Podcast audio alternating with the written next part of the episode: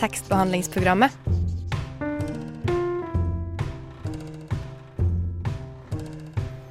Tekstbehandling på radio.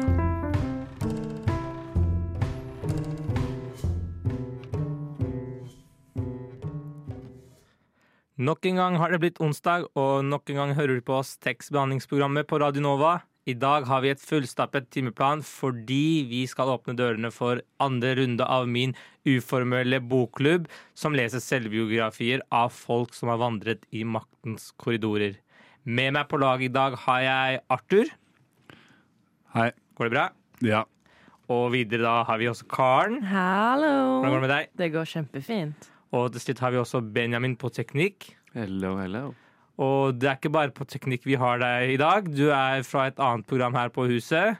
Det stemmer. Jeg heter Benjamin, og jeg kommer fra Opplysningen 99,3 her på Radio Nova. Vi er da samfunns- og aktualitetsmagasinet. Mm. Litt preten- pretensiøs måte å si nyheter nyheter på. På, ja. Mm. Eh, Pretensjon er velkommen her. Meget så. Jeg, jeg hadde håpet at det var eh, tilfellet.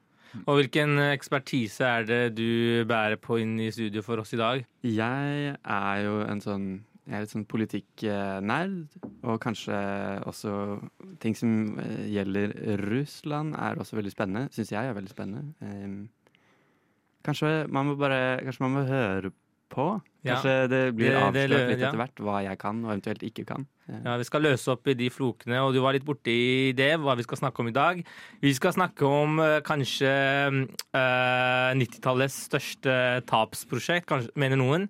Uh, andre mener at han falt uh, Fall from Grace. Det er mannen som i forordet til hans siste selvbiografi beskrives som den første russiske lederen valgt av folket, men også lederen som selv valgte å gå av, og også den som hadde en demokratisk valgt etterfølger.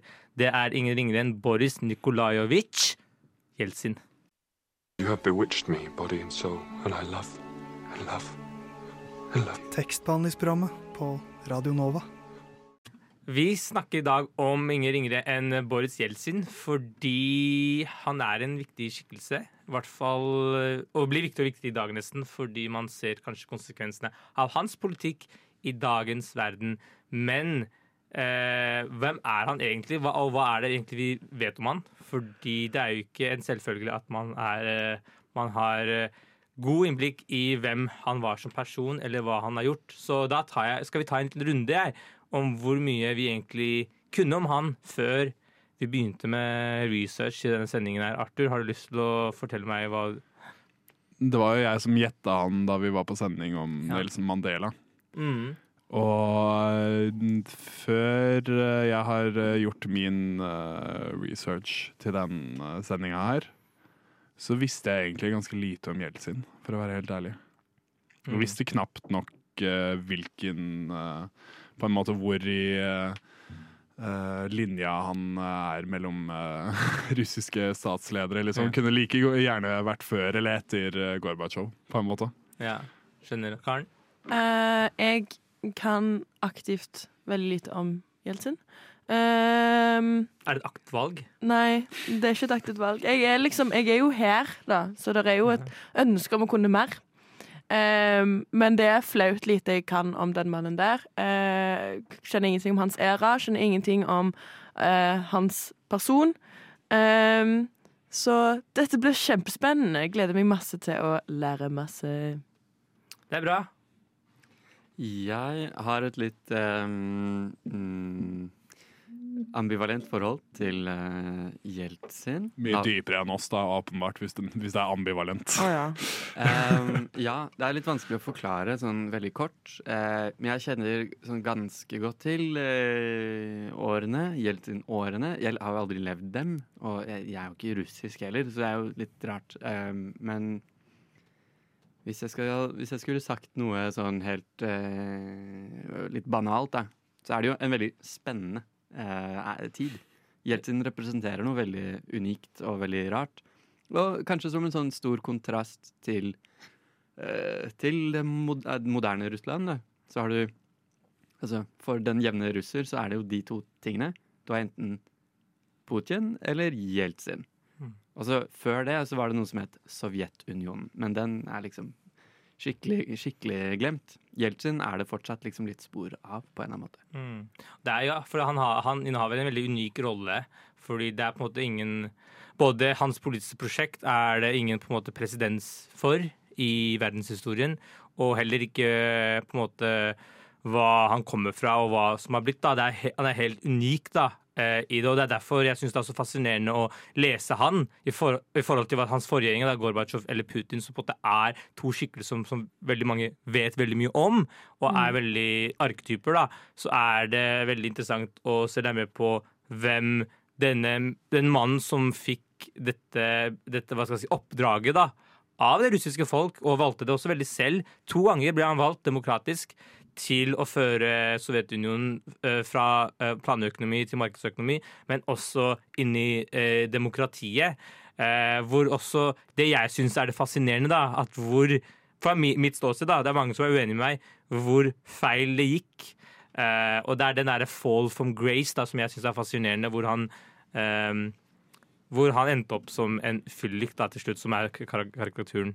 Jeg lurte på hva, hvordan den distinksjonen med at han er unik innenfor verdenshistorien, eh, hvordan vil du underbygge den påstanden, på en måte? Eller hvordan er den situasjonen unik? Sånn Ja, eh, jeg, syn- eh, eh, jeg tenker at det er fordi eh, det er vel eh, Demokratisering, da, som en prosess, eh, har eh, man, Jeg tror man kan eh, legge det i tre ulike kategorier. Man legger det i den tidligere fra litt sånn sen 1700- og 1800-tallet, hvor du hadde liberale bevegelser. Og så hadde du etter eh, kolonitida, og så har du det etter Sovjetunionens fall. Eh, og det var på en måte krefter eh, Og da har man østblokken og sånt. Eh, og de, alle de tre er ikke så unike, men det der eh, feltet fra å gå også fra markedsøkonomi, eh, og også i den ledende imperialiststaten, da, eh, eh, hvor det er veldig mange interesser, hvor alle skal ha bit av kaka, hvor det er generaler, hvor det er eh, tidligere sovjetledere som blir kapitalismer som vender frakken med vinden. Uh, og hvor han skal styre det, og det har også valgt selv. Og han var jo også del av apparatet før.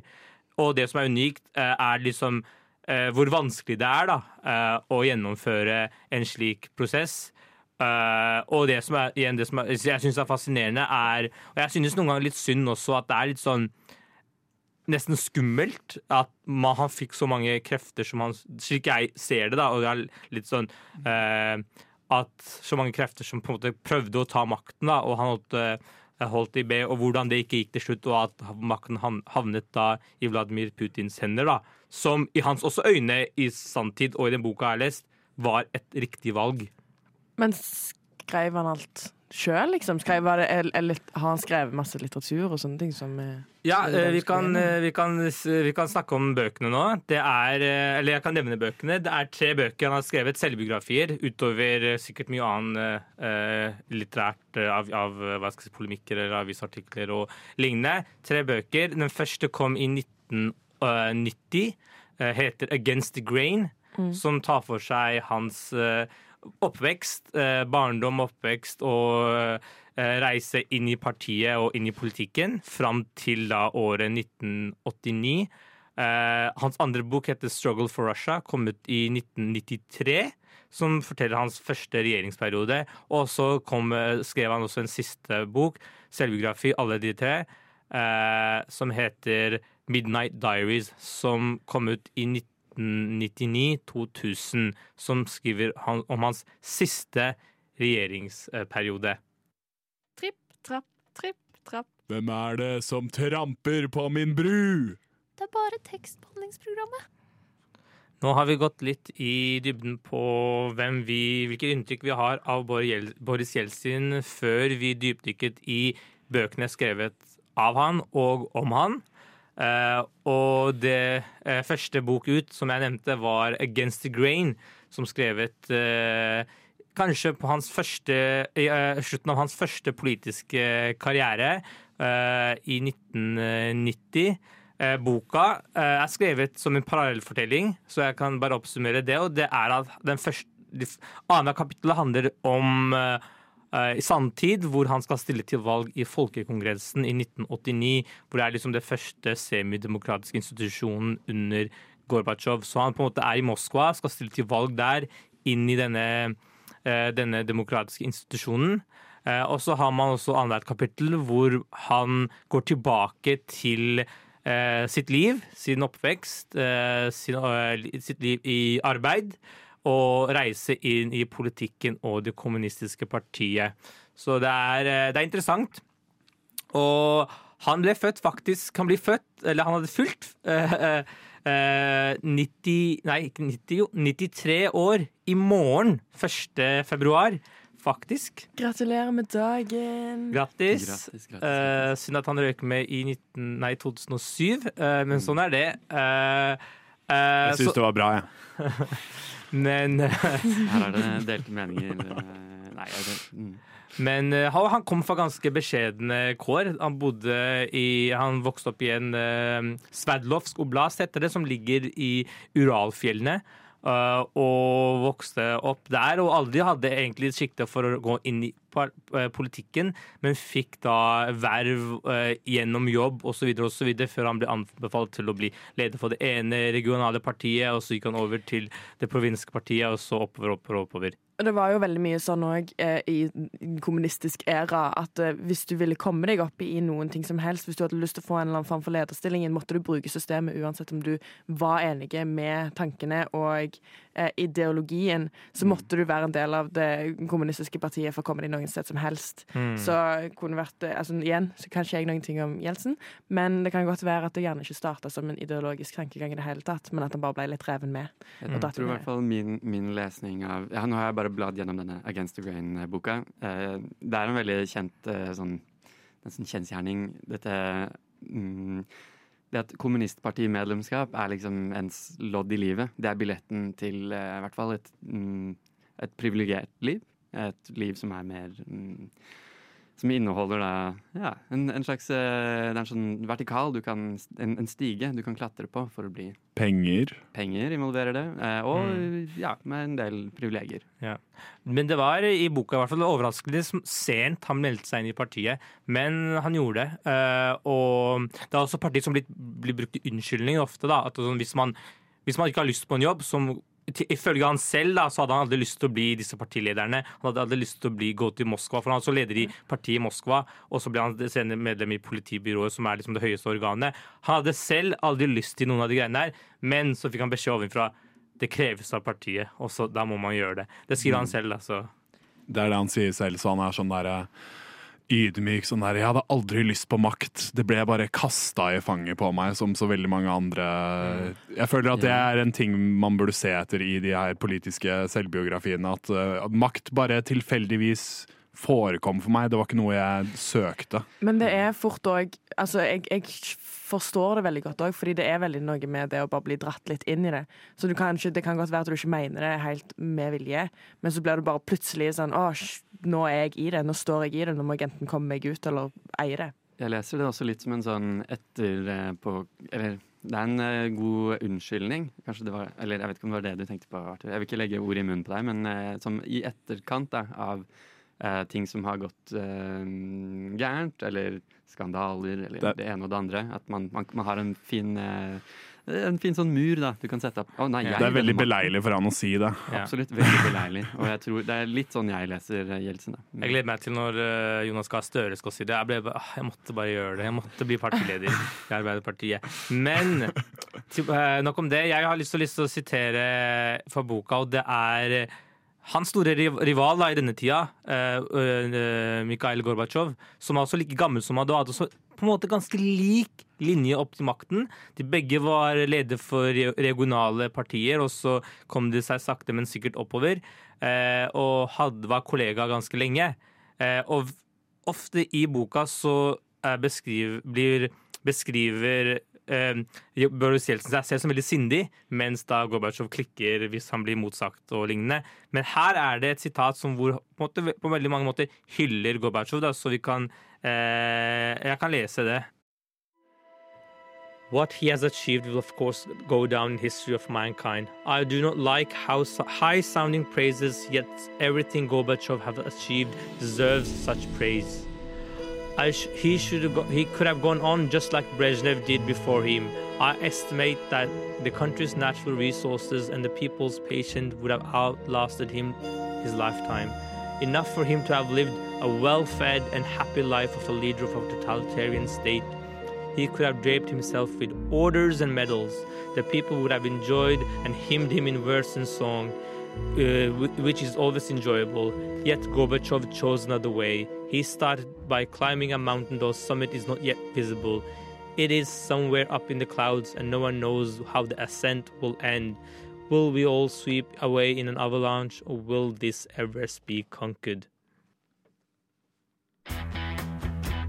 Hallo, mitt navn er Knut Nærum, og du hører på tekstbehandlingsprogrammet. Jeg går i hvert fall ut fra at du gjør det. Det gjør du, og eh, tidligere nå så har vi jo snakket om eh, Boris Jeltsin, lederne i eh, Russland osv., hvordan systemet var og litt sånt noe. Og så tenkte jeg gjerne vi kunne ta det litt over til hvordan det var å være menneske i denne perioden. Eh, jeg har lest Moskoviaden etter veldig mye snakk med Tayyip om dette her. Han har, inn, altså, vi har drøst og drøst og drøst om at det, dette her var en bok som jeg absolutt burde lese. Og nå har jeg endelig fått begynt på den boken. Trivdes veldig mye med det. Det var litt sånn tankereferatet av seg. Um, vi følger en ukrainsk uh, Vi følger en ukrainsk student i Moskva på denne perioden. Uh, i, og, uh, og boken ble publisert i 1993, så det var liksom litt perfect timing i krigen osv. Men allikevel så går ikke boken nødvendigvis direkte inn i det med krig. Han går heller mer inn i hvordan det var å leve, som sagt. Og eh, jeg hadde lyst til å lese en liten, et lite sitat, fordi det, dette, denne personen her er jo en student. Eh, og denne studenten tenker sånn som flest andre studenter gjør.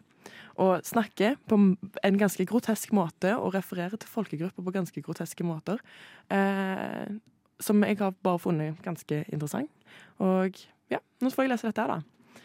Eh, det begynner med for eksempel blodet til oppmannen Yasya som har blitt mørbanket, mørbanket av tsjetsjenerne i går fordi han hadde så diger ræv, eller noe i den retningen. Og det gir meg så mye glede. Det gjør det. ræva, eller? Nei, han ble Ah, okay. mørbanka fordi han hadde diger ræv. Og det var så sånn wow. Er det sant? Det er litt Stakkars frigjørende å lese sånn så grotesk, eh, tydelig språk. Ja, fordi at du føler liksom at det, det blir liksom en avstand på menneskene når du leser liksom fra en annen eh, periode som Altså, jeg levde jo ikke da. Eh, og allikevel at det liksom De er like groteske i språket som gjerne mange andre er. Mm. Eller Absolutt. Jeg eh, syns det er interessant fordi eh, dette er 90-tallet, tidlig 90-tallet. Mm. Sovjetunionen har kollapset, og Sovjetunionen har vært et sånt I, i ideen, i hvert fall, så har det vært en sånn skjønn i union hvor alle lever i harmoni. Etniske folkegrupper skal sammen bygge kommunismen, og man har dette utopiske prosjektet som på denne tiden veldig åpenbart har kollapset. Altså, det har kollapset. Mm, Hvilken idé skal komme og erstatte det? For mange, eh, ulike, mange ulike steder i det for, tidligere Sovjetunionen så er det da en tydelig liksom, nasjonalisme som er da for eh, Som har ulmet i bakgrunnen, men som det har vært et sånt lokk på. Så det definerer også veldig liksom 90-tallet eh, i alle de tidligere sovjetrepublikkene at shit, dette er vårt øyeblikk til å liksom definere hvem vi er, og nå skal vi få et sånt eh, et øyeblikk hvor vi kan eh, ja, vet, Det er mye å lese ut fra et lite sitat om en uh, tsjetsjeners uh, ræv osv. Ja, fordi det er noe bare med altså, altså hele, Grunnen til hvorfor jeg valgte akkurat det sitatet, var jo mest fordi at det er et eh, sitat som setter det veldig på spissen. Altså Hele boken går jo inn i de forskjellige tingene og snakker ganske groteskt om eh, eh, to damer som er lesbiske, og litt sånn synet hans på dette her, og litt sånne ting. Så jeg syns bare det var litt sånn satt på spissen, gjerne. Syns, jeg syns det, det den boka gjør veldig bra, eh, er å sette spissen på hvordan det føles å leve under kollapset. Da. Og ofte så snakker man om kollaps, og ofte er det litt metaforisk, fordi liksom det var mye som ikke fungerte, men folk levde jo livene sine. og Det var liksom at, det var ikke sånn at bygdene ramlet, ramlet fra hverandre og man fikk eh, helt nye institusjoner som ble reist på dagen. Men i den boka da, så merker man liksom på da, at hvordan hverdagen eh, ikke går rundt. Eh, og den boka litt senere da, nå, eh, blir også litt sånn transcendent, at den blir litt surrealistisk, og da er det faktisk at jorda begynner å kollapse og eh, ting begynner å skje. Eh, og det er noe det, den pinpointer ganske fint, syns jeg. Eh, Ja, noe jeg syns er interessant med det her uh, med Sovjetunionens fall, er jo ikke bare endringen av et politisk system, men også endringen av religiøsiteten i landet, og hvordan den ortodokse kristendommen vokser, og kanskje i tråd litt med nasjonalismen, da, at det sprer de her ja, litt mer uh, Hva kan man si? Uh, undertrykkende holdningene overfor minoriteter. Det er slags spøkelser fra fortiden som får uh, komme tilbake i Som, som skal forsøke å erstatte det som har blitt, har blitt borte. Det er jo Solzjenitsyns store idé også. Kanskje litt yeah. sånn glemt mellom eh, linjene og mellom slagene. Sånn Gulag-arkipelen. Alt det der er liksom en, en sånn scathing kritikk av det gamle sovjetiske systemet. Eh, Solzjenitsyn vil jo erstatte dette med et sånt et nasjonalistisk, kristent, eh, ortodokst Russland. Og det er jo ja. Det er kjempesykt. Eh, men det jeg òg syns er veldig fint med akkurat denne boken, er jo det at eh, forfatteren Juri Andrukivskij Andrukhovitsj. Ja. Du, uh, ja. Mm. Godt at vi har noen som har kontroll.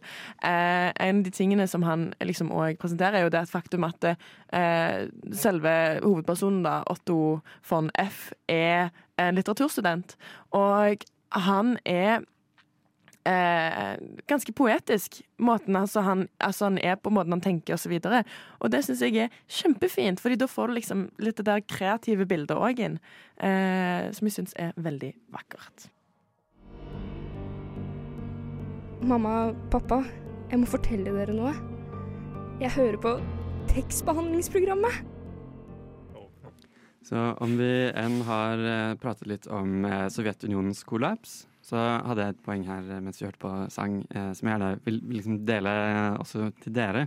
Det er at Jeltsin sitter jo ved makten i ti år ca. mer, mer eller mindre. Eh, fra 1990 til eh, 1999. Eh, sånn akkurat nyttårs, eh, nyttårsaften 1999 er veldig spennende. Men eh, om en Sovjetunionen kollapset først, så hadde du kanskje tre, fire, kanskje fem år hvor folk eh, hadde en stor tro og en sånn eh, idealisme om at man skulle innføre demokratiet og liksom det kapitalistiske system, og man hadde liksom eh, en sånn stor Man hadde glorifisert eh, Vesten og vestlige institusjoner, og så skal man prøve å gjenskape dette her. Dette er liksom Boris Jeltsins egentlig største oppgave, er å erstatte eh, det gamle med noe nytt nå. Bygge den russiske føderasjonen fra scratch. Et nytt land. Men hvis vi i dag ser litt på liksom hvordan eh, den moderne russiske borger eh, definerer denne tiden, så er det heller eh, med sterk eh, misnøye, rett og slett. 90-tallet er eh, også mye brukt av Putin som, en sånn, ad, som et advarsels eh, sånn Husker dere hvor jævlig det var på 90-tallet? Vi skal aldri tilbake dit. eh, am I right? Um, sånn Jeltsin Holder de gisler med det, liksom? ja, det er sånn eh, Det, kan, det er virkelig pisken. Um, Ja. Jeg er inne på Levada Center, som er sånn um, slags sånn analysebyrå, eh, og relativt uhindret. Det er relativt fritt. Og her kan du lese, eller kan du se på disse grafene, at det har aldri, så lenge Jeltsin har vært vekk fra makten, eh, så har han aldri hatt mer enn liksom 20% positiv Altså at 20% av Russlands befolkning skildrer ham og hans legacy og hans politikk som positiv. Mm. Det vil si at det har jo virkelig gått skeis et eller annet sted. Man ville jo ikke ha makt. Det var jo det som var. Ja. ja, og det er, det er veldig fascinerende og nettopp um, uh, hvor, hvordan han endte opp her, da. Og jeg føler den andre den siste selvbiografien hans eh, pinpointer litt det, og det er hans siste år da, ved makten fra 1996 til eh, 1999, hvor han går av. Og det er akkurat sånn boka starter, den dagen, eller dagene før han skal annonsere 31. desember 1999, rett før det nye århundret, har han valgt å gå av. Og han fortel, Den første han forteller, er hans arvtaker Putin. Og så forteller han noen, eh, noen nærme eh, sekretærer og sånt. Forteller ikke sin egen kone før dagen. Og den første han samler eh, etter å ha annonsert, tatt opp den nyttårstalen, eh, er nemlig Putin og patriark, patriarken eh, i ortodoks- ortodokse kirken i Russland. Og det er ganske slående det vi snakket om i stad, at eh, religionens inntog da, tilbake inn i samfunnet hvor det på en måte mer eller mindre har vært eh, tabu. da.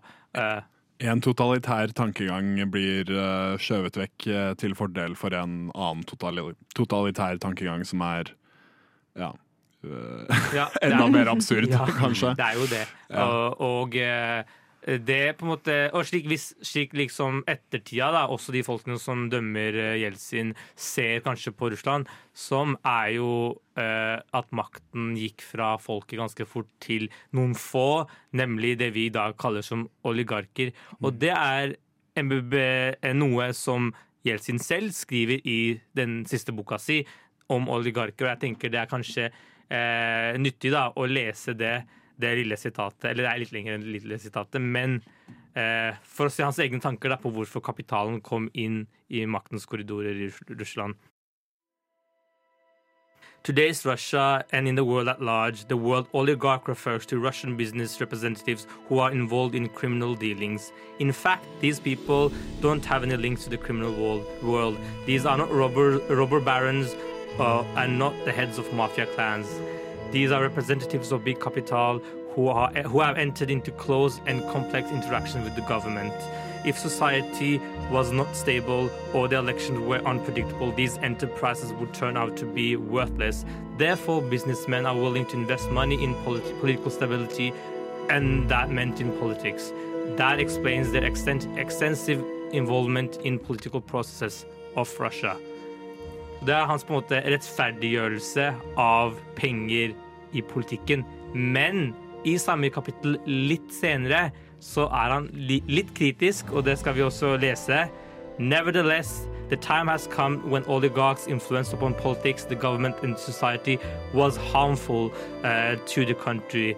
I, I probably uh, didn't understand the scale of the phenomenon right away. Big money had entered into political arena, and it was this political money that was constitutes a serious threat to Russian development. It was not communists, it, or the civil war, or the time of trouble, or local separatism, uh, or our homegrown Napoleonic generals. No, no, our greatest threat was the people with big money who grabbed each other up and thus toppled the entire political edifice that we built with such difficulty. Fuck yeah, bro! Jeg hører på tekstbehandlingsprogrammet. Radio nå. Ja, da har vi altså kommet frem til uh, min lille Se og Hør-aktige spalte her. Eh, vi skal gå gjennom noen av Boris Jeltsin eh, sine skandaler. Eh, og for å begynne, alle sammen Alle Ja. sammen, er dere klare? klar, jeg er klar. Nei, nei, men én, to, tre Nastrovia! Det var jeg så forberedt på. Ja. Jeg trodde det skulle være intuitivt.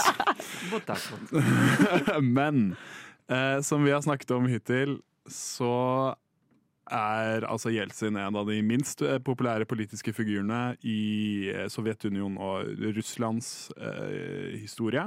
Som er sykt å melde. Ja. Eh, og det er det altså ingen tvil om. Eh, men det egentlig det første jeg fikk vite om Jeltsin da jeg begynte å eh, undersøke han, var at han var veldig alkoholisert.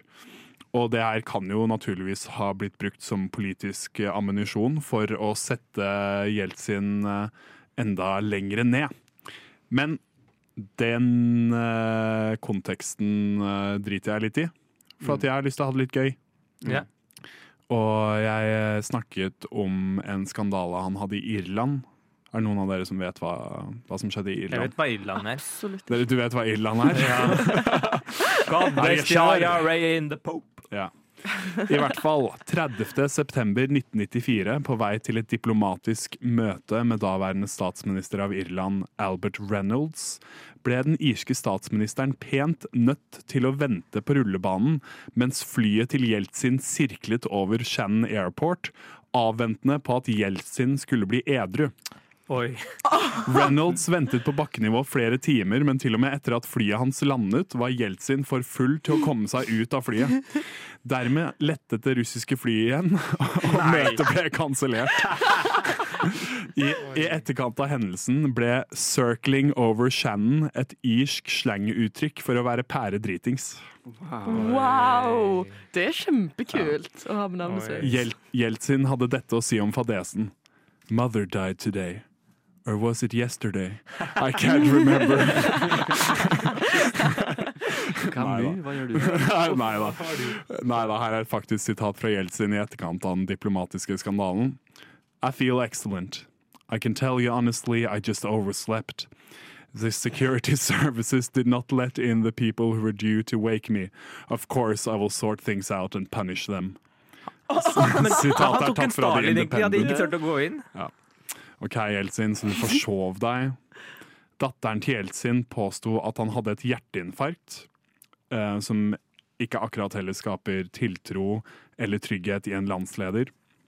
Heldigvis er det ingen helsespørsmål angående dagens verdensledere, spesielt ikke i USA, hvor ingen geriatriske klovner proppet fulle av rusmidler sitter på makt. Å ja, angående USA. Eh, bare noen uker før krisen i Irland hadde Jeltsin vært på et diplomatisk møte i USA, hvor han fikk møte sin kollega Bill I feel your pain Clinton. Clinton og Jeltsin hadde en underlig, men samtidig nær relasjon, og møttes flere ganger enn det tidligere statsledere mellom de to nasjonene hadde gjort gjennom hele den kalde krigen. Eh, totalt 18 ganger. Eh, Imponerende. mm. Men eh, jeg skal ikke fokusere på de geopolitiske faktorene her. Nei. Jeltsins skandaler er jo under lupen. Eh, og kort tid før Jeltsin hadde forsovet seg i Irland, hadde den tidligere russiske presidenten Har dere hørt om det her? Om det her i USA? Nei, nei. I USA? Ja? Eh, si det, si det. Ja, ok, greit. Og kort tid før Jeltsin hadde forsovet seg i Irland, hadde den tidligere russiske presidenten dukket opp full på Pennsylvania Avenue i undertøyet på jakt etter pizza. Clinton hadde dette å si om hendelsen. eh, han fikk pizzaen sin til slutt. Det, det absurde er at han forsøkte det samme neste kveld. Og her har jeg et sitat uh, fra en uh, artikkel fra history.com. Uh, eluding security, he made his way down the back stairs into the Blair House basement, eh, hvor han eh, befant seg, eh, where a building guard mistook him for a drunken intruder. Branch wrote Yeltsin was briefly endangered until converging Russian and American agents sort, sorted out everyone's affiliation. Because the guards mistook him for an intruder, Clinton thought this incident, although contained within Blair House, exposed even greater risk than the pizza quest. Altså, jeg tenker nå det at eh, for Clinton sin del så var han jo bare party, party Han var kompisen. Ja, det, er, det er en annen historie jeg ikke har valgt å dekke like detaljert her, hvor uh, han ble lurt ned i kjelleren uh, på et sånn diplomatisk sånn verdensmøte eller, eller noe. Og da hadde Hillary tydeligvis sagt til Bill at du skal ikke bli full i dag, og så hadde Jeltsin tatt han med ned i kjelleren. Han fått han av dritings og sånn. Det er kjempegøy. Og det er litt gøy når man ser bilder av både Jeltsin og Clinton. Så de har en sånn viss eh, likhet ved seg. Um, ja, gamle jeg synes det er fascinerende, fordi i, USA så, i politikken i USA så har man veldig sånn, fokus på at å, Jeg vil ha en president jeg kan ta en øl med, men det er komplett motsatt i Russland, virker det sånn. Det er sånn aldri i livet om jeg skal dykke med presidenten. Du kan ta en gutt ut av eh, Sverdlovsk, men du kan ikke ta en gutt ut av Sverdlovsk. Du kan ikke ta Sverdlovsk ut av gutten. Ja, nei. Nei, det var i hvert fall sant med Jeltsin. Og da han i 2007 endelig eh, døde, så skrev den tyske avisen Der Spiegel The rise and fall of the drunken tsar. Hvis du går hjem med noen og de ikke har bøker, ikke knull dem. Hilsen tekstbehandlingsprogrammet. Du lytter til tekstbehandlingsprogrammet på Radio Nova. Vi har nettopp gjort oss ferdig med Boris Jeltsin og hans to selvbiografier 'Against the Grain' og 'Midnight Diaries'. Eh, hvis det virket interessant, så anbefaler jeg å lese begge to, men kanskje Midnight Diaries helst, fordi den er lettere å lese og mer spennende. Against the Grains virker litt utdatert. Men vi skal jo fortsette dette ballet vi kaller eh, bokklubb, og jeg har lyst til å da stille først. Har dere noen forslag, ønsker om hvilken, hvilken eh, politikere dere har lyst til å lese selvbiografier om? Det må ikke ha blitt skrevet, da. Så hvis ikke Oi. Eh, men sånn Ja, en ønske. ønskebiografi Kanskje du lytter. Kanskje, Ja, shit. Um, oi, oi, oi, oi, oi. Har du noe, Arthur? Vi burde jo ta elefanten i rommet. Og det er Hvem er den største, hvem er den største elefanten i rommet når det gjelder politikere Erna gjennom tidene? Erna Hun Solberg. har skrevet Var det en fat joke? Nei. Ja. Jeg sier nei. Hadde ja. Jeg sparker oppover. Eh, Jeg tenkte på Hitler, men OK. Ah. Jesus. Jeg tenkte på Nei, Trump. men det er for, det er for kjedelig. Vi vet hva han mener. Oi vei. Um. Jeg har ingen trang om å lese Hitler sin uh, selvbiografi. Ja, det, det, og det, det er dårlig PR for TBP. Det er veldig dårlig. jeg kan risikere å bli såkalt eh, avlyst. Ja. Men OK, hvis, eh, hvis dere ikke har noen flere, flere um, forslag, så skal jeg i hvert fall har jeg gjort jobben min, fordi vi skal jeg skal fortelle dere, eller dere kan få lov til å gjette, hvilken bøker vi skal lese til neste gang, altså i februar. Eh, Det er to bøker av to ulike politikere. Eller de er, de er politikere, men de har ikke hatt reell makt, demokratisk makt, eh, i livet. Så jeg skal kjøre en liten gameshow-greie nå, hvor dere har da 20 spørsmål. Eh, Still meg ja og nei-spørsmål, så skal vi snevre de to menneskene ned. Så Karen, vil du begynne? Eh, er de norske? Nei. Er det Europa? Nei. Er de mm, kvinner? En av dem er kvinne. Eh, det er vel USA? Ja. Er de republikanere? Eh, nei. Det var bare å skyte ut hvis du har noe Er det. Hillary Clinton? Nei. Er det Michelle Obama? Nei. Eh, Er det Sarah Palin? Nei. eh, var de, var de Gå rett på Er, er begge amerikanere? Begge amerikanere. Det er polit og de, de er politikere? De er, de er, de er politiske de? figurer. Politiske figurer. Oi. Lever de? Eh, dama lever. Dama lever. Oi. Er de, eh, er de eh, tilkobla hverandre? Eh, de, vet, de, de er i samme bevegelse, Er de, og samtidig, samtidig jobba, liksom. Ish. er det, er de, er det høyesterettsdommere? Nei. No Ruth. No Ruth. No Ruth. Men Ruth eh, lever jo så. Er en av dem Bernie Sanders? Nei. Nei, det, han er ja, han lever. Det står stille. Det står veldig stille. Eh, står Det er en uh, 60-tallet. 60-tallet. 60-tallet. 60-tallet. Å ja, er det Rosa Parks? Eh, nei, men du er close. Nå får ikke du lov til å si noe. 60-tallet, oi, oi, oi. To politiske Å skikkelser. ja, faen. eh, En dame og en mann fra 60-tallet i Amerika. Det står stille ennå. Det står fortsatt ganske stille. Da så jeg, jeg Skal jeg si det? Tenk, tenk borgerrettigheter. Borgerrettigheter. Er Martin Luther King? Eh, nærme. Veldig nærme. Hva er, hva er hans På rival? innsiden av sokken. Malcolm X? Yes, Malcolm X. Og da ser jeg, tar jeg det er Malcolm X, selvbiografien til han, som heter bare Autobiography. Og Angela Y. Davis sin selvbiografi, også kalt Autobiography. What? Radio Nova.